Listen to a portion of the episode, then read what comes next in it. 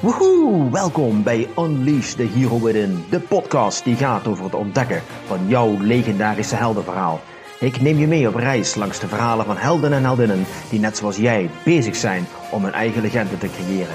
Zij delen hun ervaringen, tips en wijsheden met als doel jou te inspireren om een jemig de pemig fantastisch leven te hebben. Mijn naam is Marcella Heij en you are fucking awesome.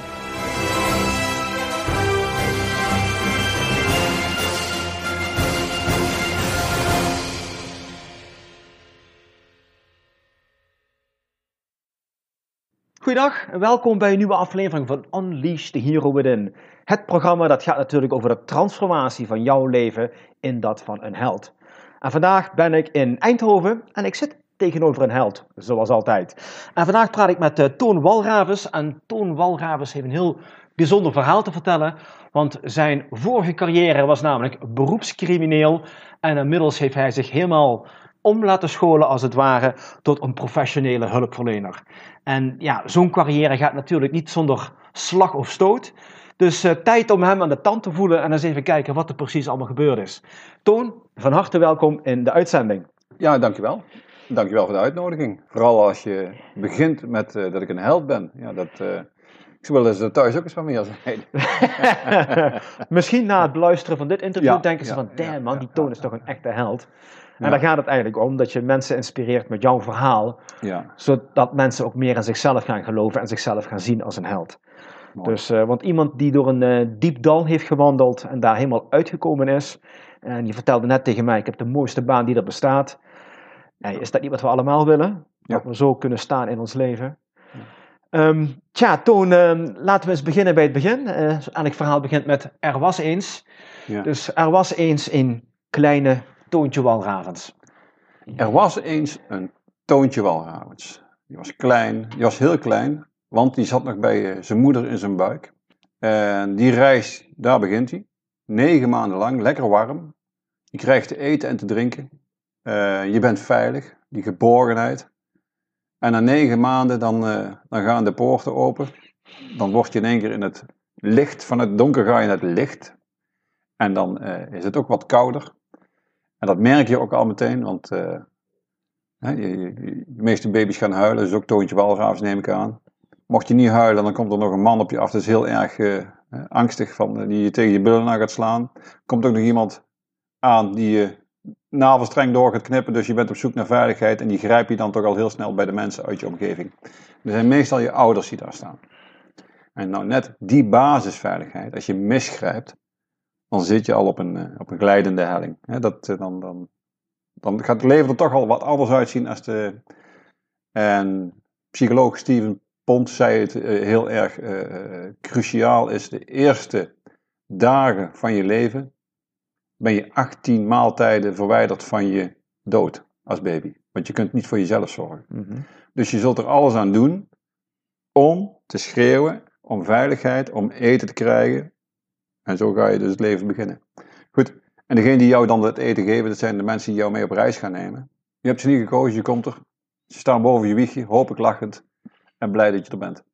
En zo is mijn leven ook begonnen en uiteindelijk eh, ben ik in een gezin terechtgekomen van uh, uh, vier kinderen. Ik ben de derde van de vier. Mijn vader kwam zelf uit een gezin van 14, 15 kinderen, was de oudste. En zijn vader was verslaafd aan de alcohol al het geld wat er binnenkwam, en de kinderen hadden het niet breed, ze leefden echt in armoede, sliepen op één grote zolderkamer, een opkamer heette dat toen. Vader moest mee eh, zorgen voor de andere kinderen, zorgde voor de veiligheid, beschermde ook nog moeder tegen de agressieve buien van, van zijn eigen vader. Uh, het nooit op school gezeten, op zijn 14-jarige leeftijd stond hij uh, in, in, in, in de mijn. Dagen van, uh, van, van 12 uur waren meer ja, regel dan. Hè? Al het geld wat hij verdiende ging op aan opa's voorliefde voor alcohol. En als hij daar iets van durfde te zeggen, dan, uh, dan kreeg je er een pak rammel bij. En niet zomaar rammel. Dat heeft uh, echt lang geduurd. En als uh, opa weer eens gedronken had, dan zorgde hij ervoor als oudste dat de rest buiten beeld bleef. De kinderen in veiligheid waren. Ook oma, zijn eigen moeder beschermde die. Dus hij had niet veel meegekregen. Op latere leeftijd was hij 23, volgens mij 24 is hij ergens in een danszaal in Eindhoven mijn moeder tegengekomen, die ook uit een gezin van tien kwam. En die mensen wilden allebei thuis weg. En dat hebben ze ook heel snel gedaan. Kregen niks mee en starten vanuit de complete armoede. En zo zijn ze in een arbeidswijk, eh, zijn ze in een huisje terechtgekomen. Hebben vier kinderen gekregen, zoals ik al zei. En deze mensen moesten kinderen op gaan voeden. Terwijl ze eigenlijk hetgene wat je kinderen mee wil geven, de basis, hè, ingrediënten van aandacht, vertrouwen, liefde, betekenisvolle relaties aangaan met je kinderen. Ja, dat hadden ze niet in zich. Dus ze hebben ons eh, op een manier. gezet. Ik denk dat ze alles eruit gehaald hebben wat in ze zat, want meer was er niet. Maar ik ben opgegroeid in een ontwricht gezin, met ook een vader die eh, enorm veel dronk. Ook wat delen overgenomen had van, van uh, wat je eigenlijk niet wilde zijn. Zijn vader was je wel geworden, dat zag ik ook wel achteraf. Ja, en ja, echt houden van die woorden, dat, dat heb ik nooit horen zeggen. Ik heb hem op bed zien zitten als klein kind. En ehm, toen zat hij daar huilend op het bed, er was iets gebeurd. En toen hij mij zag staan, toen gooide hij letterlijk ook de deur van de slaapkamer dicht. En uiteindelijk gooide hij daar ook de deur van mijn emoties op slot. Want de boodschap was dat kwetsbaarheid en verdriet niet gezien mocht worden. En dat prent je als kind, prent je dat jezelf in. Dus uh, daar ga je ook je leven op baseren. En dan, uh, ja, dan begint er toch al wat kronkels te ontstaan. Nou ja, je gaat in een overlevingsmodus zitten, ook als kind zijnde. Je roeit met de riemen die je hebt. Soms kom je helemaal niet vooruit en je gaat het nog gewoon vinden ook nog. Dat is het ergste. En uh, ik ben op de vijfde klas van de lagere school. Ik ben nu 59, dus we praten over 54 jaar geleden, een hele andere tijd. ben ik van school afgezet omdat ik gecorrigeerd werd door de, de, de, docent, door de juffrouw. Toen was het nog gewoon juffrouw. En ik ging aan met een stoel te lijf. Dat is wat ik kende. En ehm, ja, uiteindelijk ben ik uit huis geplaatst voor de kinderbescherming. En ben ik op een bijzondere jeugdinternaat terechtgekomen. Want ja, als onhandelbaar kind. Hoe oud was je toen? Elf. Met elf jaar? Tien, elf jaar. Werd je het huis uitgezet? Ja, door de kinderbescherming. En uh, onhandelbare ouders bestonden toen nog niet. Dus uh, nu slaan we dat denk ik wel eens in door. Mm. En dat, ja, daar heb ik een jaar gezeten. En in dat jaar dan heb je het over ook helden. Hè? Het, dan kom je ook een beetje je eigen helden al tegen. Want die heb je nodig op je eigen pad. Om een held te worden, moet je andere helden ook tegenkomen. En um, die rolmodellen, dat is. Het duurde even voordat mijn wantrouwen, hè, dat meer voor de hand lag als vertrouwen, een beetje verdween. En dat kwam door juffrouw Beb. Juffrouw Beb was een woonbegeleidster. En die, waar ik s'avonds mee stond af te wassen. En die een beetje de rol van mijn moeder overnam. Die heel aardig was. Die naar me vroeg van hoe het ging die een boekje voor zat te lezen s'avonds bij mijn bedje. Uh, goed, dat maakte ook wel dat ik wat meer mezelf ging openen. En dat ik ook durfde op de houtbewerkingsafdeling werkte meneer Maas, een man die de leeftijd van een, van een opa had. En die leerde mij de liefde voor het vakmanschap houtbewerking. Dus ik had er heel veel dingen, deed ik ook op. We sporten. Ik, uh, ik zat daar met 200, 200 andere toontjes, die ook allemaal uit het huis geplaatst of nooit zijn ouders gekend hadden. Ik heb er een jaar gezeten, toen ben ik terug naar huis geplaatst daar was uiteindelijk nog niks veranderd. Mijn ouders hadden intussen een donkerbruin café geopend. Na het avondeten wisselde daar de populatie van toch wel ja, van de lichtere tot de zwaardere criminaliteit. Prostituees, dealers. Nou, natuurlijk zaten ook wel mensen die gewoon werkten tussen, maar het grootste gros was toch wel uh, uit de, ja, dezelfde kant van de samenleving. Ja, ja. Criminele circuit. Ja, ja, ja, ja, uit de duistere wereld een beetje. En dat, veel, veel vechtpartijen, dus veel agressie, echt agressie. Schietpartijen heb ik meegemaakt. Ik, uh, ja, met mijn jonge ogen heb ik heel veel gezien. Dus dat gaat ook allemaal op je netvlies zitten als iets heel gewoons. Dus alles wat ik dat geleerd op dat internaat, dat uh, liefde en aandacht er wel degelijk te doen. Toen ik terug naar huis ging, ging, dat allemaal weer overboord. Dus je, stevend, je loopt recht in de volgende teleurstelling. Want dat deed er daar niet toe. Dus je gaat weer terug op slot. Wat ik deed is, uh, kijk, beroepscriminelen, want daar begonnen we mee, die bestaan niet. Want het is geen beroep. En uh, grote criminelen bestaan ook niet. Want waar zijn ze nou eigenlijk groot in? Wat hebben ze nou gedaan? Uh, mensen besodemieterd, geweld gepleegd. Sommigen hebben zelfs gemoord, geld afhandig maken, noem maar op. Ze doen alleen maar dingen, stelen, liegen, wat niet mag. Mensen die de penicilline uitgevonden hebben. Of iets tegen kinderkanker. Of iets tegen het coronavirus uitvinden. Dat zijn grote mensen. Dus de terminologie die wij gebruiken in de, in de wereld is ook nog... grote criminelen bestaan dus niet. Het zijn mensen die iets slimmer zijn en iets hoger in de hiërarchie zitten. Maar dat is, dat is al ik ben naar de rand was ik veel op straat te vinden als kind. En ik sloot mezelf aan bij een groep jongens waarvan ze zeiden de verkeerde vrienden.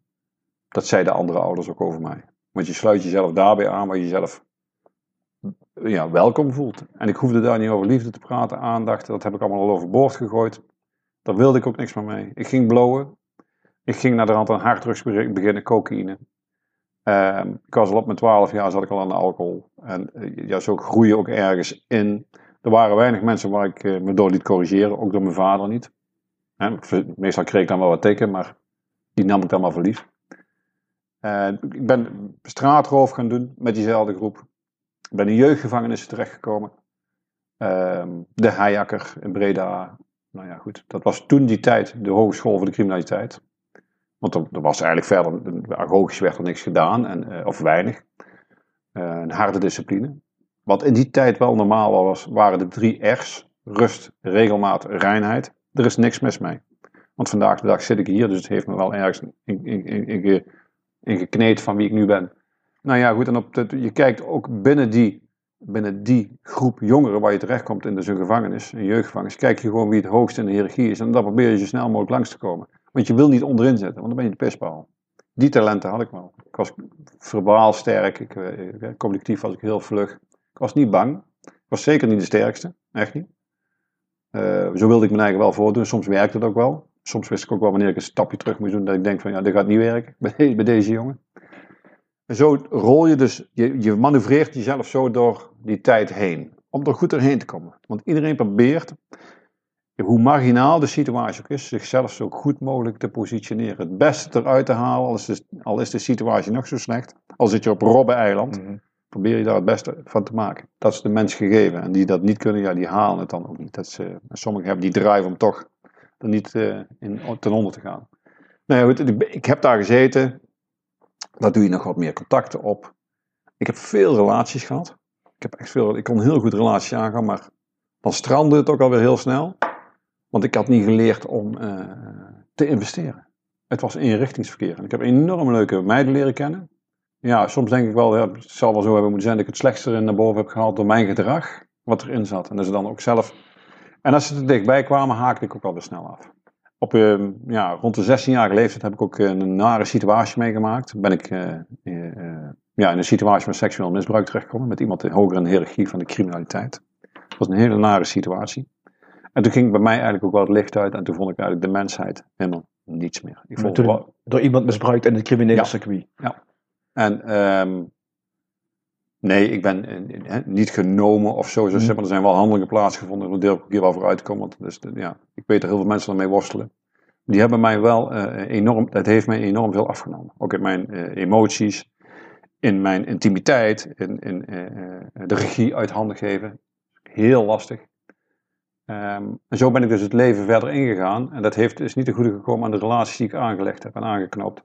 Ik heb al een, langdurige relatie gehad. Er is mijn dochter uitgeboren.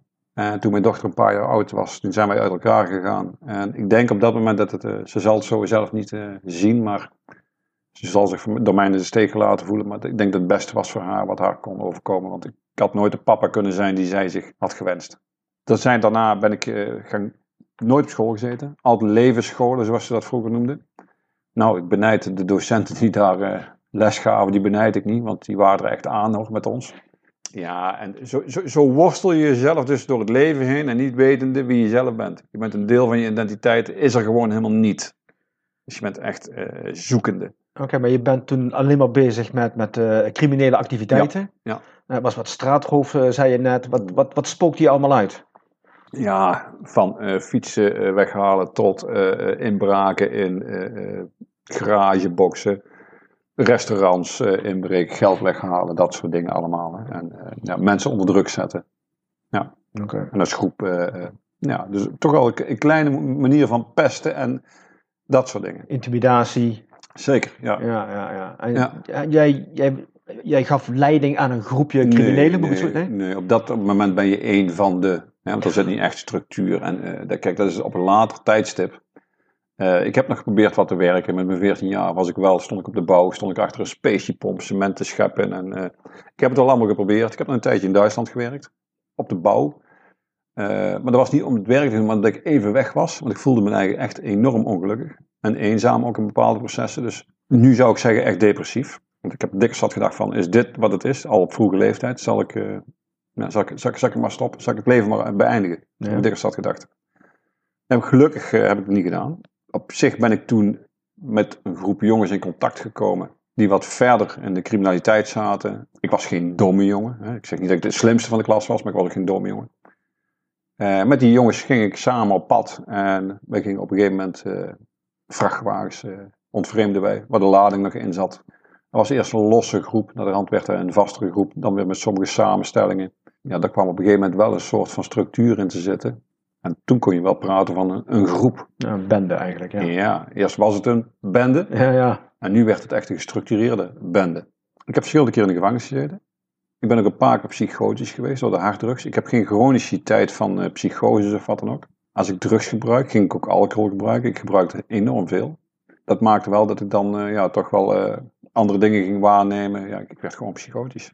Ik las, ehm, toen ik wat onderzoek naar jou aan het doen was, las ik op mijn website op het laatst iets van 8 gram kook per dag deed gebruiken. Ja, ja. Dat is toch wel wat.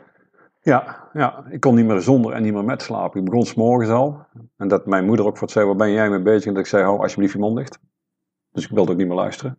Ik heb verschillende gevangenisstraffen gehad. Bijna totaal acht jaar. De gevangenis, als ik daarin kwam, dan was ik meestal wel, eh, dan zag je het ook wel, dan was de leidersdruk hoog geweest. Dan zag ik er ook enorm slecht, niet dat ik er nou zo goed uitzie, maar toen zag ik er echt slecht uit. Ik weet niet goed, toen ik in de jeugdgevangenis terecht kwam, toen kwam je in een, een hok te zitten van twee bij twee, vier witte muren. En toen werd tegen mij gezegd dat ik daar een week moest blijven, of een aantal dagen in ieder geval, voor te acclimatiseren. Ja, ik snap het nou nog niet, vier witte muren, acclimatiseren. Ik dacht, oké, dat doe je als je een hele drukke ruimte hebt, dat je even moet acclimatiseren. Nou, dat was daar dus niet. Ik kreeg een brief en een pen en die mocht je schrijven. En ik schreef in die brief het K-woord, het was hier K en het was, ja goed, zo voelde het ook. Hè, want hoe onveilig je eigen omgeving thuis ook is, de omgeving waar je naartoe gaat, die heb je niet gekozen, die is nog onveiliger. Ja, die brief had ik geschreven en ik dacht die naar mijn thuis gestuurd werd. Die ging rechtstreeks naar de directeur en die kwam naar de rand bij mij en die zei van, hoe kun je nou zoiets opschrijven? Hij zei, je kent het hier helemaal niet, je bent hier nog nooit geweest en je schrijft dit soort dingen over ons. En ik kreeg er dus uh, een aantal dagen bij in, uh, in, in dat hok daar. Dus dat was de straf. Het is een bevestiging van, oké, okay, eigenlijk was het een schreeuw om hulp. Mm -hmm. Tegelijkertijd werd er een sanctie opgelegd. Dus het is weer een bevestiging in je hoofd van hoe de wereld in elkaar steekt zoals ik me zag. Daar had ik wel uit geleerd uit die situatie, dat als ik in de gevangenis kom, dat ik weet wat ik mezelf aan moet houden. Toch ga geen drugs gebruiken. Ga geen alcohol stoken. In de gevangenis? Ja, in de gevangenis. Ja. Ga, ga, geen, ga geen dingen doen waarvan de bewaarders vinden dat je die niet moet doen. En dat maakte dat je mijn ook al, uh, die, die drie R's kwamen daar terug, terug hè, de rust, regelmatige reinheid. En je zag mij opknappen. Ook fysiek. Ik kwam weer tot mezelf. Dat lukte me altijd als ik in de gevangenis zat. En dan kreeg ik ook de beste reinigersbaantjes. En dan zeg je, reiniger, ja. Als je reiniger bent, krijg je wat meer privileges. Je mag wat meer bellen. Je bent wat meer uit je cel. Je komt op allerlei afdelingen. Ik heb een bewaarder gehad, die kwam bij mij op cel, kwam hier uh, Formule 1 kijken. Dus uh, dat is dan, dan bracht je een haringje mee. Nou, dat kun je in de gevangenis niet krijgen. Dus dat was allemaal geen grensoverschrijding, maar je krijgt een andere binding met. En je krijgt een hele verantwoordelijkheid. Want ik zou als gevangene, zou ik ook als drugscourier door heel de gevangenis op alle afdelingen waar ik kwam in de was ook iets kunnen verstoppen. Had ik wel kunnen doen. Maar ik denk, nee, dit is me heilig. Dit baantje, dit wil ik hebben. Ik heb ook afrekeningen gezien daar. Dus ik heb van alles meegemaakt. Afrekenen dat mensen werden... Echt in elkaar geslagen werden, die nog iets met elkaar uh, goed te maken hadden. Dat gebeurde, ik was toen uh, badmeester, noemden ze dat. Maar wat badmeester was daar, dat ik voor de, voor de vuile was zorgde. Mm. Die kwam erin en die ging eruit. En die ging dan, en in de, ik was verantwoordelijk voor de, voor de douches. En daar gebeurde dat meestal. Ja, goed, daar, uh, en dan werd mij gevraagd een oog in het zeil te houden. Ja, denk ik wel. Ik trok mijn deur dicht en denk, bekijk het maar. Want daar ga je jezelf niet in mengen. Mm. Die wereld is veel te gevaarlijk, laat ik het zo zeggen. Omdat...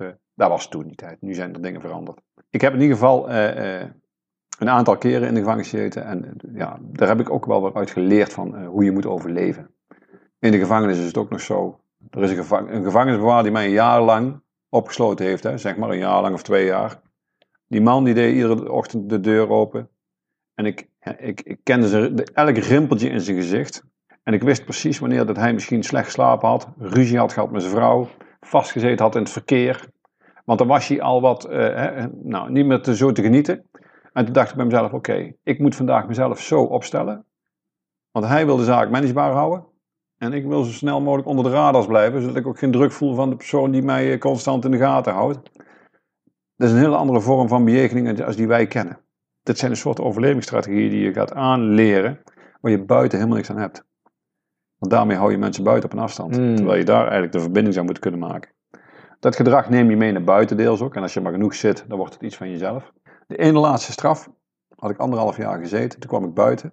Toen vroeg een nichtje van mij van, schot, zou je mij eh, even eh, ergens naartoe kunnen brengen? Want ik, eh, ik heb een afspraak met iemand en dat heb ik gedaan. En we belden aan en dat deed iemand open, een vrouw. En die vrouw en ik keken elkaar aan. Het was 5 december, ik vergeet nooit meer. Met die vrouw heb ik een relatie gekregen. Zij werkte zelf eh werkte ze als eh, verpleegkundige in een algemeen ziekenhuis. Een, een heel puur mens. Ja, drugs eh, had ze alleen nog ooit van gehoord bij Miami Vice toen die tijd op tv. Dus het was echt iemand die, ze zegt wel eens, als ik nu nog spreek van, was ik naïef? Nee, je- was gewoon bijzonder, je was puur, je was gewoon echt. Ik was, ik was de fake. Ik, ik, ik, hier zat al, al, al die andere dingen zaten in mij. Ik heb er ook eh, op mijn manier, denk ik, ook eh, bewust en onbewust misbruik van gemaakt. Van jouw goedheid. Dat is enorm slecht. Daar heb ik echt, eh, echt enorme spijt van, oprecht. En wij hebben een relatie gekregen. En een hele intense relatie. We, hebben, eh, we gingen samenwonen, we trouwden zelfs. Al heel snel. We kregen een zoon. En, maar ik kon mezelf niet losmaken van die wereld waar ik in zat. Dus ik ging op een gegeven moment een dubbel leven leiden. En eh, toen kwam ik een keer op een avond eh, thuis. En toen zei zij tegen mij van... eh, ik weet niet wie jij bent. Ik ken jou helemaal niet. Maar als, de, als maar de helft waar is van wat ik allemaal hoor... Ja, dan kan jij niet de vader zijn die ik voor mijn zoon zoek. En ik ga mijn zoon ga ik zelf opvoeden. En ik wil hebben dat je gaat. Ik ben gegaan. Ik ben eh, weggegaan. En eh, toen is het eigenlijk al heel snel gegaan. Toen eh, dacht ik bij het was de zoveelste knieval voor het leven. Je moet echt diep gaan soms. Ja, en in die knieval heb ik het overzicht over mezelf, maar ook over de omgeving verloren. Ik ging, daarvoor ging ik zoveel gebruiken. Ik ging steeds meer drinken. Van alles wat, wat op mijn pad kwam, deed ik. En eh, als groep letten we ook niet meer zo goed op. En het bleek al dat justitie ons een paar jaar in, op de, nou, observeerde. Telefoons aftapte. En op een avond eh, hebben ze op een gegeven ogenblik eh, ja, hebben ze alles opengezet en hebben ze ons gearresteerd met zeven mensen in, in Nederland. En kregen wij 30 jaar gevangenisstraf 30 jaar. met elkaar. Ja, Oké, hoeveel jaar daarvan kreeg jij? vijf. Vijf jaar. Ja, dat is nogal wat. ja. en ehm, omdat ik gezien werd als eh, een van de leidinggevenden, waren we z'n tweeën. Dus wij kregen sowieso met tweeën tien jaar. En de rest werd onderverdeeld netjes over de anderen. Er zaten ook een aantal zwagers voor mij in. Dus er werd ook wel gekscherend gezegd door de officier dat het een familiebedrijf was. Ja goed, daar kun je wel iets van vinden. Maar... En dan zit je dan in de gevangenis en dan mag je een hele lange periode. Ik had eigenlijk weinig meer, want ik, gaf alles weg. Geld interesseerde mij niks. Het ging ook over op drugs of eh, ging het op of naar andere dingen. Maar ik, zelf om geld gaf ik niks. Ik had op dat moment nog wel een appartementje, maar ja, dat, eh, is vijf jaar. Dus dat heb ik toen onderverhuurd aan andere jongens. En op een gegeven ogenblik, dan zit je daar. Dan ga je op een gegeven moment, eh, ik ben cold turkey, was ik afgekikt. De verpleegkundige die daar werkte, zei dat ze daar niks tegen hadden. Ben ik wel daar denk ik half psychotisch door geworden. Ik zat in de Willem II kazerne, hier in eh, Tilburg. Er zaten mensen op de afdeling die eh, meer konden krijgen als, als vier jaar. Nou, dat was een, gang met twaalf cellen. Ja, dan zit je daar op handen en knieën. Ik zat te huilen, ja. En dacht ik nou, kan eigenlijk net zo goed dood zijn. Dus begon je weer te denken. Toen heb ik een brief gepakt en een pen en ben gaan schrijven. En die heb ik eh, opgestuurd naar me. En ik wist dat die gelezen werd, hè, ook door eh, de justitie, want alles wat eruit gaat wordt gelezen. Die heb ik gestuurd naar de moeder van mijn eh, zoon. Ik had er alles in geschreven. Van mijn jeugd, misbruik, van, van alles. We hebben het er nog wel eens over gehad. Toen zei ze, en ik kreeg die brief. En ik kon hem echt niet ontcijferen, zei ze. Want ik heb leren lezen en schrijven in de gevangenis. Want ik heb nooit op school gezeten. Ik, had, ik was vijf, bij de vijfde klas van school af. En toen zei ze, ik, ik, kon hem echt, ik moest hem echt ontcijferen. Ik had bijna iemand nodig die erbij hielp. Maar zei ze, en eh, was het nou om mij te manipuleren? En ik heb het ook lang op me in moeten laten werken, zei ze. En ik heb ook de eerste vijf maanden niks van haar gehoord. Ik had ze wel op de bezoekerslijst gezet. Ik was inmiddels werd ik overgeplaatst. En eh, ja, toen ik eh, dacht dat, dat dat ook niet meer ging gebeuren, toen kreeg ik in één keer bezoek. En dat was de moeder van mijn zoon samen met de maatschappelijk werker. En zij zei tegen mij van, ik kan niet zeggen dat ik niet meer van jou hou. eh, maar als jij de vader voor je zoon wil zijn die je zelf altijd, eh, waar je naar op zoek bent geweest, waar je met mij veel over gesproken hebt, dan eh, wil ik jou steunen. En dat blijf ik ook doen tot je, dat je vrij bent. En ze zei, en ik moet jou er iets bij zeggen, ik denk dat jij ernstig ziek bent. Ik denk dat je echt ernstige psychiatrische problemen hebt. En als jij zo doorgaat, dan sterf je of op straat, of hier in de baais. En dat kan een keuze zijn, zei ze. Dus niet de keuze en het eh, beeld wat ik voor mijn ogen heb voor mijn zoon. Dus als jij daar onderdeel van wilt zijn, zul je moeten veranderen. En ik, ik had natuurlijk niemand meer. En ik wilde al meteen zeggen, en voordat ik kon zeggen, zei ze tegen mij, en je denkt er een maand over na. Want ik wou meteen ja zeggen. Ja. Ja, goed, zo is het eigenlijk gegaan. Dus zij is eigenlijk de held in het verhaal. En ik ben toen eh, opgestaan voor mezelf. En ik heb in de, in de spiegel gekeken en toen zei ik eerst, eh, ja, ik heb er eigenlijk spijt van wat er allemaal geweest is. Maar is dat voldoende om dat te zeggen, om me daar uit te spreken? En eh, toen stond ik voor de spiegel en toen zei ik eigenlijk tegen mezelf, ik ben een dader. Als je dat zegt, dan geef je eigenlijk de mensen die je ook tekort gedaan hebt, die geef je ook een gezicht. De slachtoffers. Want spijt, heb ik spijt omdat ik niet hard genoeg kon lopen of uh, omdat ik gepakt ben? Waar heb ik spijt van? Dat is zo snel gezegd. Nee, ik was een dader en ik keek mezelf diep in de ogen. Ik, ik, ik wist dat ik, uh, dit is niet wie ik ben. Dit zijn dingen die ik gedaan heb die ik eigenlijk niet had moeten doen. En hoe kan ik dat nou uh, ongedaan maken? Dat gaat er door je heen. En kan ik dat allemaal wel aan als ik zo terugkijk? En het verlies van vrienden die doodgeschoten zijn het meisje wat ik heb leren kennen op het internaat, wat toen ik tien was, die voor mijn neus doodgereden werd. Dat, dat soort dingen kwamen allemaal, passeerden de, de, revue. Goed, ik, ik, ik heb toen toch gekozen om naar een verslavingsbegeleidingsafdeling te gaan, bij justitie in de gevangenis. Daar heb ik tien maanden gezeten. En ehm, daar durfde ik na zes maanden zeggen dat ik verslaafd was. Want uiteindelijk oordelen wij verslaafden ook nog allemaal. Want degene die hash rookt, die zegt die wietrokers, maar al die TLC. En die TLC die zegt, ja, weet je, die LSD, jongen, dat is... Uh, nou, uiteindelijk is de echte verslaafde is die man in de, in, de sloot met die spuit in zijn arm. Hm. Want het veroordeelt elkaar ja, ook nog. Ja. Maar uiteindelijk was ik gewoon verslaafd. We hebben hier groepen vol met jongeren met uh, wietverslaving. Dus wat is verslaafd? Ik kan ook iemand die kent, die drinkt drie borreltjes op een avond. Als hij één avond, als het er niet is, begint hij te piepen en te kraken. Zegt hij, god, heb je niks in huis gehaald? Of ik noem maar iets. Ja, ja. Nou, wat is verslaving?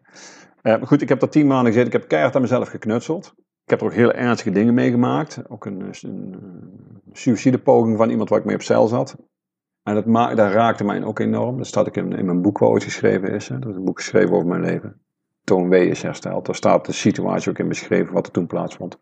Maar die situatie is wel de volgende aanleiding geweest voor mij. Toen ben ik in gesprek gegaan met een psycholoog. Met een dienstgeestelijke verzorging en een mentor. Van wat mij allemaal bezig hield. Daar heb ik gesprekken gevoerd en toen zei de psycholoog na een aantal gesprekken: Toon, ik, het, in jouw hoofd is het net een bol garen. Ik zie de uiteindjes, maar ik durf er hier niet aan te beginnen, want ik weet niet waar we uitkomen. En wij kunnen niet dat bieden wat jij misschien wel nodig hebt. Nou, dat was heel eerlijk. Ik ben wel op medicatie ingesteld, maar uiteindelijk ben ik ook overgeplaatst. En in een later tijdstip ben ik, uh, werd ik steeds suicidaler. En hebben ze mij uh, overgeplaatst naar een uh, ziekenhuis van justitie in Scheveningen. Daar heb ik 14 maanden gezeten. De afdeling KPO, klinisch psychologisch onderzoek. Daar heb ik meegewerkt aan onderzoeken. Er kwam uit dat ik een destieme depressie heb. Dat wil zeggen, ik heb geen manische pieken, maar ik zit constant. Daarvoor is de leidsdruk hoog in die onderste regio, in de donkere hoek. Mm. En normaal gesproken, als we iets meemaken, dan, uh, ja, dan doet dat ook iets met ons. Maar hier zit je al heel snel op een stapeling van dat je in je probleem terechtkomt, die, de, die depressie. Um, ik heb wel geprobeerd het nooit leidend te laten zijn in mijn leven, maar ik weet wel dat het er is. Ik heb stemmingswisselingen, trauma gerelateerd. Het kwam daar allemaal uit. En in die situatie ben ik de volgende held tegengekomen op die afdeling. Ik zat er al heel lang, er gebeurde niks. Het tribunaal van uh, Joegoslavië werd toen daar neergezet, in Den Haag. Dus het veiligheidsniveau ging omhoog. Dat merkte je ook. Dat merkte ik ook aan, aan de moeder van mijn zoon, die nog steeds op bezoek kwam, met mijn zoon. Mijn zoontje moest de schoentjes uit, zij haar haarspeltjes uit haar haren, dus haar haren. Dat, ik zag dat bij haar ook moeilijk werd. Dat werkt allemaal mee. En uiteindelijk zag ik daar een keer een poster met zingeving. Ik denk, ja, ik heb toch niks te doen. En daar ben ik naartoe gegaan. En er zat de groep jongens die ik kende. En ik was de kortst gestraft. En de rest had allemaal 18 en 20 jaar. En er zat een man. En die man die zat te vertellen over vriendschap, liefde, vrolijk zijn, aandacht, keuzes maken. Um, en ik keek hem aan en ik begon een beetje te lachen. En toen zei hij, waarom lach je? Ik zeg, je hebt het over vertrouwen, vriendschap, liefde. Ik zeg, ik ben de kost gestraft en deze jongens zien pas over een jaar of 15 de buitenkant van deze stenen waar wij tegenaan kijken. En zei hij, ik snap dat je dit misschien denkt, maar is het een idee? Zei hij, want ik heb geloof niet dat je het begrijpt. Dat we samen een afspraak inplannen. Dat ik even een individueel gesprek met je Nou, ik denk dat ik ook een impulsstoornis heb die nooit ontdekt is. Maar uh, ik zei uh, ja, maar ik bedoelde eigenlijk nee. Twee weken later stond die man, Willem heette die, Die stond bij mij aan de deur en die klopte. En ik dacht toen nog in de taal die ik gebruikte, van ik schop hem meteen weg.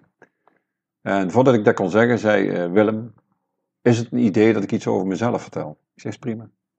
En toen zei hij van, eh, goed, dan kom ik even naast je zitten. Dus hij wilde mij naast mij op mijn bed gaan zitten. En dat was een stap te ver. Dat vertrouwen had ik niet. En op een gegeven ogenblik begon hij te vertellen dat hij in Nederland geboren was. Op jonge leeftijd zijn moeder verloor. Dat was zijn alles. Zijn vader had hij eigenlijk niet zo'n goede band mee. En hij ging al heel vroeg ging hij op de markt werken. Bij een zuivelkraampje, kaas en noem maar op. En op latere leeftijd leerde hij Pleun kennen, zijn hartsvriendin.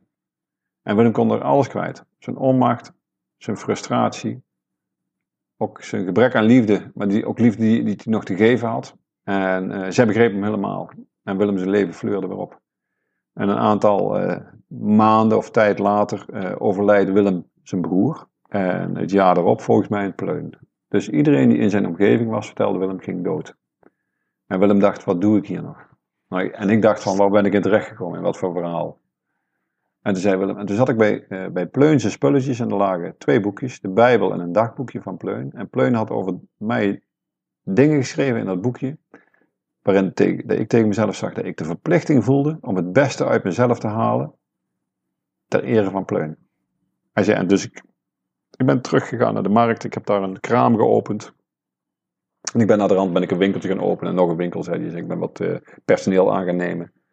En op een warme zomeravond had ik drie winkels voor zei hij. En hadden we een team uit, die zijn we een ijsje gaan eten. Nou, heerlijk ijs, hij. zat van alles in. En uh, ik zei nog tegen wat zit er nou in? Zei hij tegen die eigenaar van die, die ijswinkel. Nou, het was in, in Antwerpen. Gewoon schepijs, zei hij, uit een doos. Willem had een doos meegenomen naar huis. Hij had zelf een, uh, een, een, een machientje gekocht waar je ijs mee kon maken. En Willem die voegde gewoon, omdat er geen Er, zat, er, zat, niks op, geen patent. Die voegde er wat dingen aan toe en begon ijsje uit te delen aan zijn personeel. Maar ook ging hij op een kar, ging hij die uitventen in, in het begin in, in, de woonplaats waar hij woonde. Zo ontstond de hertogijs. en hij ging ermee verder en hij bouwde dus een heel imperium op. En in dat uh, imperium, hij zei, want op een gegeven moment zat ik, toen was ik er nou, net 50 volgens mij was hij, prik me niet helemaal op vast. En uh, was je met zijn management bij elkaar in een bekend hotel om een nog grotere stap te gaan maken naar nog verdere uitbreiding. Toen gebeurde er s'avonds iets op de slaapkamer. Een ingeving, laat ik het maar zeggen. En zoals ik ooit voor de spiegel stond, ik ben een dader, stond Willem voor de spiegel, die zei van, ben je nog wel gelukkig Willem? En toen zei Willem, ik keek mezelf aan, toen zei hij, nee, want ik dacht terug aan de tijd van mijn eerste fabriek. Toen zat ik boven in mijn kantoortje, kon ik naar beneden lopen, naar mijn personeel. En zij waren de olie tussen mijn machines. En ik kom met hun in gesprek. En ik legde een hand op de schouder en ik kon niet meer, want het was zo groot geworden.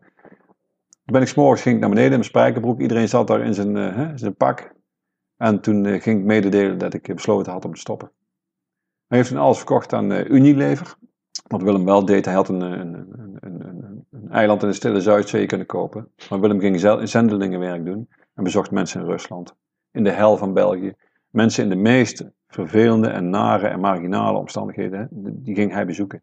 Het enige wat hij zei was, wil je schreeuwen, dan gaan we schreeuwen. Wil je huilen, gaan we huilen. Wil je lachen, dan kan dat ook. Wil ik iets over mezelf vertellen? Willem kwam niks halen, die bracht zichzelf. En, en dat was zo mooi. En ik dacht, het was wel een parallelproces van die held hè, die voor mij zat. Want ik dacht, we hebben eigenlijk hetzelfde een beetje meegemaakt. En hij misschien wel iets ernstiger als ik in het begin. Ook zijn, zijn start was ook niet zo goed. Maar hij had er wel een hele andere route aangekoppeld. Maar het proces was. Ik dacht bij mezelf, ja, dit is eigenlijk wat ik ook wil. Ik hoef geen miljonair te worden, maar die, dat proces lopen en er iets van je leven maken. Nou, en, dat, en uh, toen zei ik op een gegeven moment daar uh, in Scheveningen, ik wil, uh, ik wil hier weg. En ik wil ergens anders toe waar ik nog iets van, uit mezelf kan halen. Nou ja, goed, er is naar de hand gehoor aangegeven en toen ben ik bij de GGZ Eindhoven terechtgekomen. Eerst ben ik naar een, een kort gestrafte gevangenis in Maasheggen gegaan omdat mijn straf nog te lang was. En van daaruit ben ik eh, naar Retour gegaan in Helmond. Dat was een terugkeerproject uh, van justitie waar speciaal opgeleide mensen, agogisch opgeleid, uh, om mensen die kort en langdurende straffen, de langste gestraft die daar zat was met 28 jaar in de gevangenis. Die keerde ook terug om die kloof te dichten tussen de maatschappij, maar ik moest ook verplicht in behandeling. Dat was de afspraak die ze in Scheveningen met mij gemaakt hadden. Dus ik kwam in de dekenniek terecht van de Woensel Support heet het nu, de forensische kliniek van GGZ Eindhoven. Ik ben hier tegenover opgegroeid. Ik had er een beetje moeite mee, want het was toen in die tijd RPI, Rijkspsychiatrische Inrichting. Het gekkenhuis, zeiden wij in de volksmond. En ik ging dus naar die dekenkliniek toe. En daar ben ik eh, tien jaar in behandeling geweest. Voor de problemen die ik uiteindelijk zelf ontwikkeld heb. En ook, die, eh, eh, ook de dingen die, die ik als een spons in me opgezogen heb. Die eigenlijk niet bij mij thuis horen, maar die ik wel meegenomen heb in die reis. Zat ook nog heel veel pijn en verdriet van mensen van mij om me heen, waar ik mee gezeten heb. Of die, die suïcide pleegden, die ik aangehoord had. Eh, ja, dit, het gemis, het verdriet van anderen, dat, dat neem je ook mee. Vergeet je ook nooit meer. Dat maakt ook wel wie ik ben nu, denk ik. En, eh, en ik moest eerst eens leren onderkennen van wat is nou die dystieme depressie? Wat zijn die stemmingswisselingen? Ik had er echt geen eh, benul van. Dus ik heb heel veel behandeling gehad. De eerste zes jaar eh, individuele gesprekken, groepsgesprekken, muziektherapie, schemafocustherapie, dramatherapie. Ik vond dramatherapie echt een drama. Maar ik zag wel dat het nut had voor andere mensen. Dus ik wil het niet in het belachelijke trekken, want het werkt echt. Zoals muziektherapie voor mij werkt. Dus dat ik, ik koos muziek uit die eh, bij mijn depressies paste. Zodat ik het gevoel wat erbij loskwam ook uit mijn lichaam kon trekken. Dat kon weg. En ehm, nou, zo kan dramatherapie ook. eh, ik heb agressieregulatie gehad, hè, PMT, eh, met eh, ook oefeningen erin. Van hoe je nou met agressie omgaat. Ik heb tien jaar lang dezelfde behandelaar gehad. Dus op de, de top 10 van langdurigste relaties staat je op twee. Dus we hebben het goed volgehouden samen. Hm. Hij is ook wel een held, vind ik zelf. Dus je komt allemaal. je kunt wel mooie methodes en theoretische kennis meenemen naar iemand toe. Maar het is altijd degene die het uitvoert. Ja. Dat contact wat je Ja. maakt. Dat, eh, die klik die er is, of die er niet is. En die je dan toch moet gaan leggen. Dat oprechte, die betekenis erin brengen om samen verder te komen. Want soms als je aan methodieken en theorie vasthoudt, heb je wel eens kans dat je uit, uit contact gaat. Omdat je daar de opening probeert te vinden. Terwijl die opening eh, gewoon tussen mensen zit. Ja, precies. Menselijke stuk, ja. Ja, en na zes jaar vroeg ik wanneer ik genezen was. Ja, dat zat er niet in. Dan zei hij tegen mij, god, dit is wat het is. En eh, eh, je, kunt, eh, je hoeft dit ook weer niet leidend te laten zijn in jouw leven. Je, kunt er, je hebt er nu grip op. Mhm. Eerst had het grip op jou, nu heb je er grip op leren krijgen. Ja, en ik heb ook daar weer de rol van gezocht naar van vader die ik ben. Ja, daar hebben ze mij ook bij geholpen. Ja, na zes jaar, dan ben je niet... En toen zei ik, en wat nu dan? En toen ben ik eigenlijk op zoek gegaan naar de samenleving, wat die nog weer voor mij zou kunnen betekenen. Ja, en dan komt iemand met mijn geschiedenis, wordt het een heel lastig verhaal. Want je komt al bij het UWV, dan begin je eigenlijk al met 2-0 eh, achterstand. Want ik kwam in een bakje met bemiddelbaar, moeilijk bemiddelbaar, niet bemiddelbaar. En ik kwam in het achtste bakje en er werden meteen twee personen aan mij gekoppeld. Die ook iedere keer als ik iets wilde, zei ze, ja, je weet wat ze over je geschreven, doe een beetje rustig aan. Dus je wordt ook weer een beetje klein gehouden. Terwijl ik eruit wilde. Ik had Mhm. geleerd. En eh, nou goed, die wrijving vond ook wel plaats. Die weerstand. En die weerstand die zette mij aan tot eh, toch weer dingen te gaan doen. Een gegeven moment kwam ik niet verder. Ben ik teruggegaan naar de behandelaar. En toen zei ik van, weet je wat ik doe? Ik denk dat ik terug ga naar waar ik vandaan kom. Want daar voelde ik me eigen iemand. Daar voelde ik me de moeite waard. En ik zeg, en ik, nu kom ik niet verder. Ik zeg, en eh, weet je wat het is? Ik kan niks. En toen zei eh, de behandelaar, die zei van, nou doe je jezelf tekort, maar ook mij. Hij zei, want je hebt enorm veel geleerd. Maar als je leiding kunt geven aan een criminele organisatie, kun je ook leiding geven, zei hij, aan medewerkers of aan vrijwilligers. Hij zei, en de meeste mensen die uit een hele eh, moeilijke situatie komen, hebben geleerd te manipuleren als geen ander. Hij zei, wij noemen het positief beïnvloeden. In ons vakjargon. Hij zei, ik ga allebei die dingen ga ik jou meenemen. Dus hij werd niet alleen die behandelaar. Hij werd ook een soort coach. Zo'n held heb je ook nodig. Die zegt van, ik ga je daarbij helpen. En zodoende heeft hij mij ook gestimuleerd om een opleiding te gaan doen. En uiteindelijk ben ik een, eh, de SPW gaan doen, Sociaal-Pedagogisch Werken toen die tijd, met ervaringskundigheid. Ik ben vrijwilligerswerk gaan doen. Ik heb eh, ook nog naar de hand in de, geriatrie gewerkt, met mensen met Korsakoff, Huntington, Parkinson. Enorm leerzaam. Ik ben ook bij het cliëntenbelangenbureau van GGZ Eindhoven gaan werken. Daar heb ik eh, enorm lang als vrijwilliger gewerkt. Daar ben ik naar de hand een vaste baan heb daar gekregen. Ik ben ooit begonnen als eh, vrijwilligersbegeleider. Toen werd ik vrijwilligerscoördinator. Toen werd ik zorgconsulent, ging een opleiding erbij doen, een soort van maatschappelijk werk. Ik ben naar de hand ben ik eh, projectmanagement gaan doen. Ik vond leren vond ik in één keer eh, enorm eh, interessant. En eerst waar ik me zo van afzette, de mensen, begon ik steeds interessanter te vinden. Mensen waren begonnen, begon ze interessant te vinden. Ik vond die interactie begon ik Eerst hield ik ze op afstand en nu kreeg ik in één keer ja, een andere manier van leven was ontstaan. En uiteindelijk, mijn eerste held, de, de, de moeder van mijn zoon, Wij zijn nu 25 jaar bij elkaar. Het gaat hartstikke goed. We hebben het, we hebben het eh, fijn samen. En er zijn ook dingen die, eh, die verloren zijn gegaan, die we ook niet terugkrijgen. Maar dat is ook uh, inherent het proces waar we gelopen hebben. ook zij heeft enorm diep moeten gaan om met mij zover te komen. Want ook zij is bij mij gebleven. Tegelijkertijd, haar leven ging hier buiten verder. Ik zat in de gevangenis. En er werd ook op, met een, op een bepaalde manier naar haar gekeken. Die man die in de gevangenis zit. Mijn dochter heeft er enorm last van gehad. Die ging met uh, andere kinderen thuis uh, spelen. En dan kwamen ze bij een opa en oma. En als mijn dochter dan naar huis was, zei uh, opa en oma tegen dat meisje waar mijn dochter mee aan het spelen was. Weet je wel wie de, de vader is van hmm. dit kind? Nou, dit soort dingen. Terwijl mijn dochter er helemaal niks aan kan doen. Ik weet dat het zo is. De beeldvormen, de stigma's die, die er zijn. En ik weet ook, ik denk dat wij tot, tot, tot grootste dingen in staat zijn. Hè? We kunnen enorm veel liefde geven. We kunnen elkaar ook veel pijn doen. We zien de wereld soms niet zoals je is. Wij zien de wereld zoals wij zijn. Perceptie. ja, zo kijken wij daarna ook. En uh, ik probeer de wereld wel op mijn manier, op een positieve manier te beïnvloeden.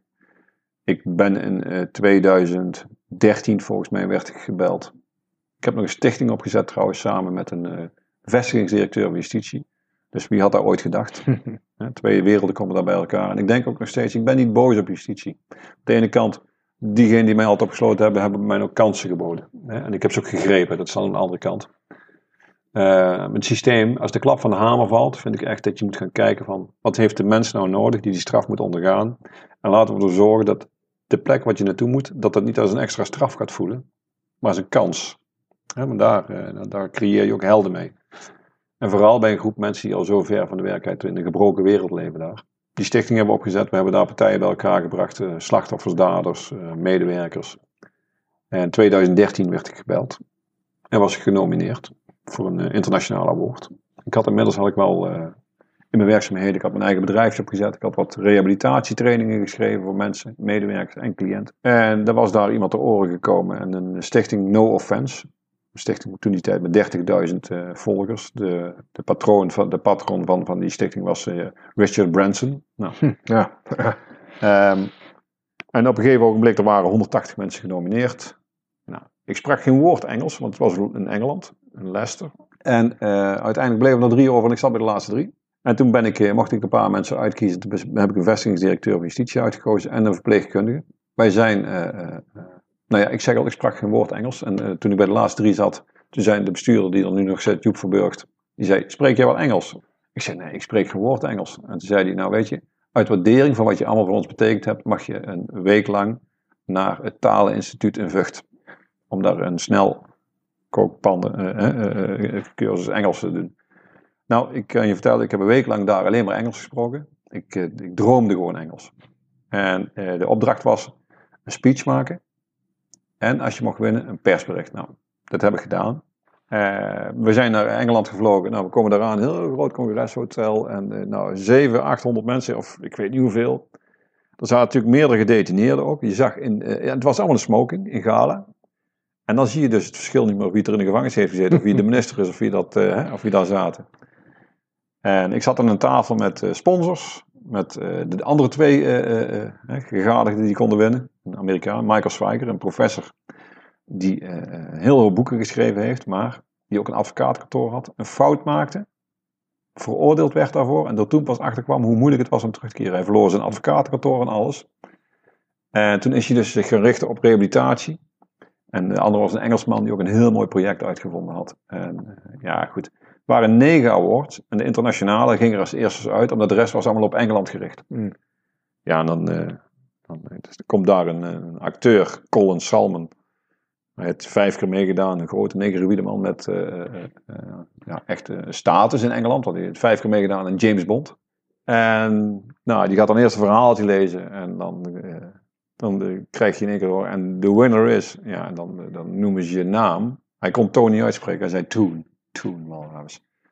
Ja, en dan staat erin op en gaat iedereen klappen en ik, mijn mond gaat open. En ik, uh, ja. Mijn vrouw zei toen ik wegging, voor mij ben je al een winnaar. Ik ga ervan uit dat je niet wint. En ja, goed, het gebeurt dan wel. En dan zit je aan die tafel en ik, ik wilde opstaan, maar ik werd even nog op mijn schouders naar beneden gehouden. Want er kwam eerst nog een filmpje, was hier in Nederland al opgehouden. Dus die bevestigingsdirecteur wist dit al. En je vertelde daar dan ook over. En uh, ja, dan kijk je links en rechts van je. En dan zie je ook de verpleegkundige. zie je ook eh, eigenlijk die awards dan ook voor de mensen die eh, jou zover gebracht. Die helden, die jou zover. Ik krijg uiteindelijk die award, maar het, uiteindelijk is hij voor alle mensen die jou zover meebrengen naar, naar dit moment. En eh, daar heb ik het ook aan opgedragen. En ik heb het ook. eh, het is opgenomen, er is ook een film van. Hè? Dat, Hm. eh, ja, goed. En daarna is er nog een boek over mij geschreven, wat ik al zei, toonwees hersteld. Dan, eh, als je een internationale award eh, wint, dan gaan er in één keer deuren op. Ik heb heel eh, Europa gezien, ik werd uitgenodigd, Singapore, Amerika, ik, voor te komen praten. Ik ben niet overal geweest. Ik heb al heel veel landen gezien. En het gaat allemaal over mensen. En dan is het verhaal makkelijk te vertellen voor mij, als je maar dicht bij jezelf kunt blijven. En ik, ik ben echt niet wars van de professionaliteit, want zonder professionaliteit en expertise had ik hier vandaag niet gezeten, was ik dood geweest. Niet alles was zaligmakend. Want ik denk dat we nog steeds een brug moeten maken. eh, toch om meer te gaan leren werken, weer vanuit die relatie. Daar de veiligheid in bieden naar mensen. En mensen helpen van, eh, van vallen en opstaan naar staan en op te vallen. Maak ze allemaal, wij zijn allemaal kleine helden. En in iedereen zit iets eh, wat eh, maakt dat. eh, en iedereen is de moeite waard. En we moeten elkaar dat gevoel blijven geven. En ik, eh, ja, zo sta ik in het leven. Ik kijk altijd echt oprecht naar kansen en mogelijkheden. Ik verlies niet uit het oog dat ook mensen soms lijden. En dan slu- sluit ik ook aan bij de lijden. Want anders verwaarloos je mensen ook. Mhm. Daar moet je ook oog voor hebben. En eh, daar moet wel een goede balans in zitten. Ik geloof ook in de forensische zorg. Hè, dat eh, justitiële zorg die wij kennen als we, is echt een hoogwaardige kwalitatieve zorg. Het is de expertise van de GGZ. Staat ook hoog aangeschreven in de wereld. Nederland staat op nummer 1 wat dat betreft. Eh, het is niet de goedkoopste zorg, maar we hebben daar wel een groep mensen die. eh, ieder mens verdient het. Verdient ieder mens een tweede kans? Nee. Want tweede kansen bestaan helemaal niet. We moeten kansen bieden zoveel mensen nodig hebben. En die kansen die kunnen leiden dat iemand weer terugkeert naar de maatschappij. Als je over justitie praat, net zoals mij. En zelfstandig zijn, zijn, gang kan gaan. Dat je weer gewoon mee kan doen. We hebben mensen die gecontroleerd eh, mee moeten doen. Dat we daar toch een beetje de vinger aan de pols houden. Om te zorgen dat er geen rare dingen weer gebeuren. Want er zit niemand op te wachten. En er is een groep mensen die eh, op dat moment, eh, waar behandeling misschien niet voor aanslaat, die naar een long stay gaat. Ook dat is een kans. Het houdt niet op. Die kansen moeten we blijven benutten met elkaar. Hoe ernstig de dingen ook zijn geweest. En ik heb echt, echt, eh, eh, eh, ja, ik voel mee met, met, met, met, met de mensen die ernstige dingen meegemaakt hebben, want die zijn er. En er zijn ook geen woorden voor. Daar heb ik ook geen woorden voor. Daar moeten we het ook met elkaar over blijven he- hebben. En binnenkort komt er een documentaire uit over mijn leven. In januari.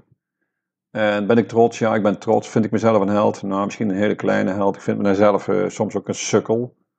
Ehm, ik vind mezelf soms ook eh, eh, niet zo geweldig. Maar ik denk dat al die dingen die ik voel, die voelen alle mensen.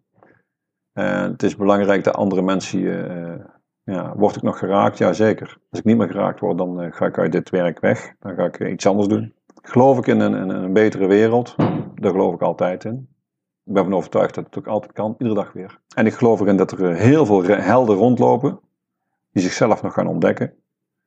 Ik hoop dat we daar met z'n allen een steentje aan bij mogen dragen. Ik, eh, ik hoop ook voor de mensen die het moeilijk hebben, dat we daar het leven wat draaglijker voor mogen maken. En als mensen ervoor kiezen dat ze dit leven niet meer willen, dan is dat ook een keuze die ik denk van, want ik kan nooit niet inschatten hoe hoog de leidersdruk bij iemand is. Ik kan het van de binnenkant in het hoofd niet zien. We weten als iemand eh, een vreselijke hè, ziekte heeft als kanker of wat dan weten we dat daar iets eh, aan zit te komen.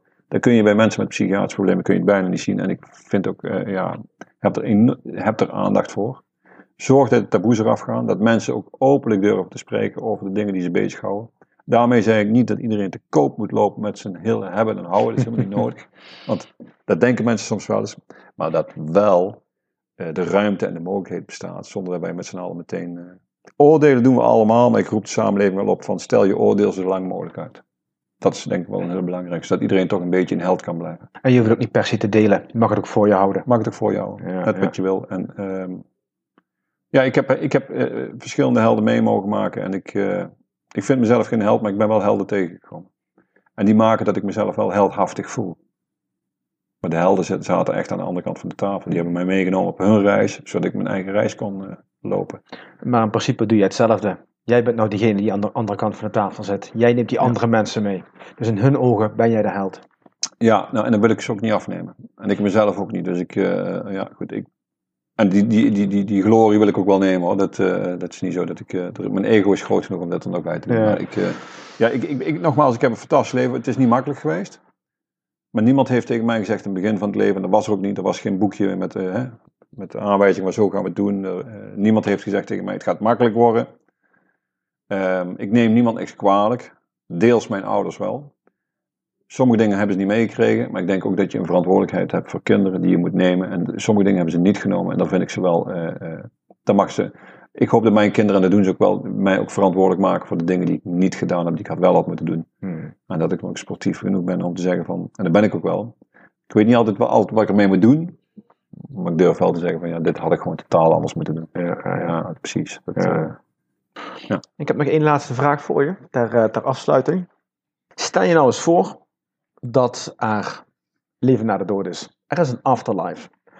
En straks, als jij doodgaat en je verlaat deze aardbol, dan kom je in een soort wachtkamer terecht.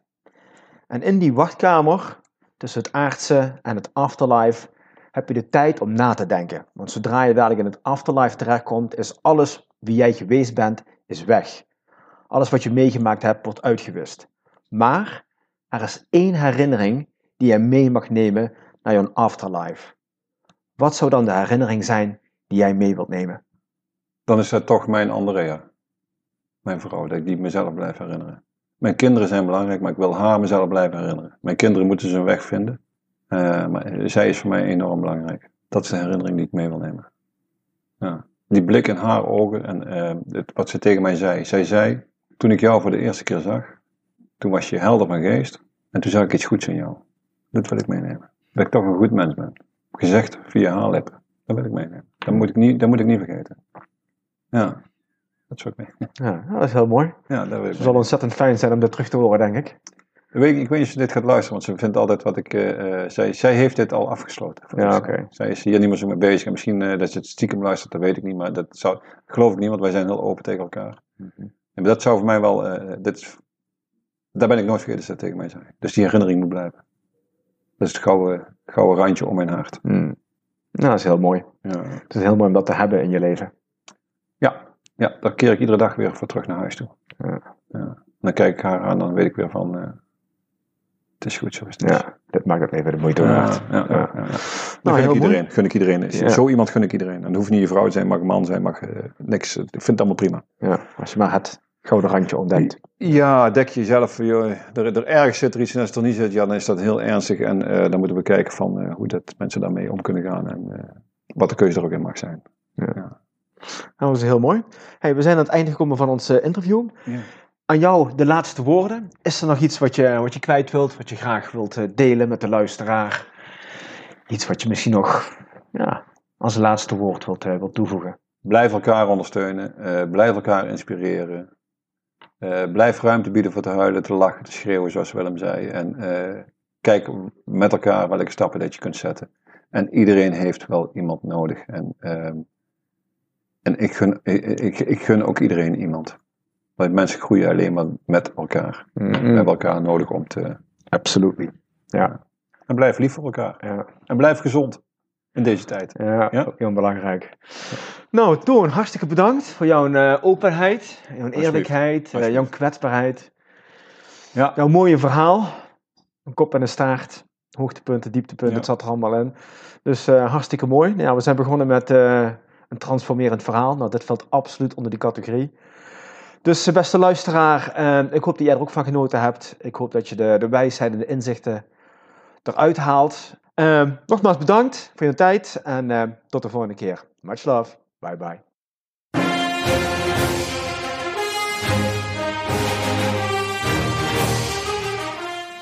Ik hoop dat je net zoals mij weer hebt genoten van de mooie verhalen van mijn gast en er hopelijk iets aan hebt gehad.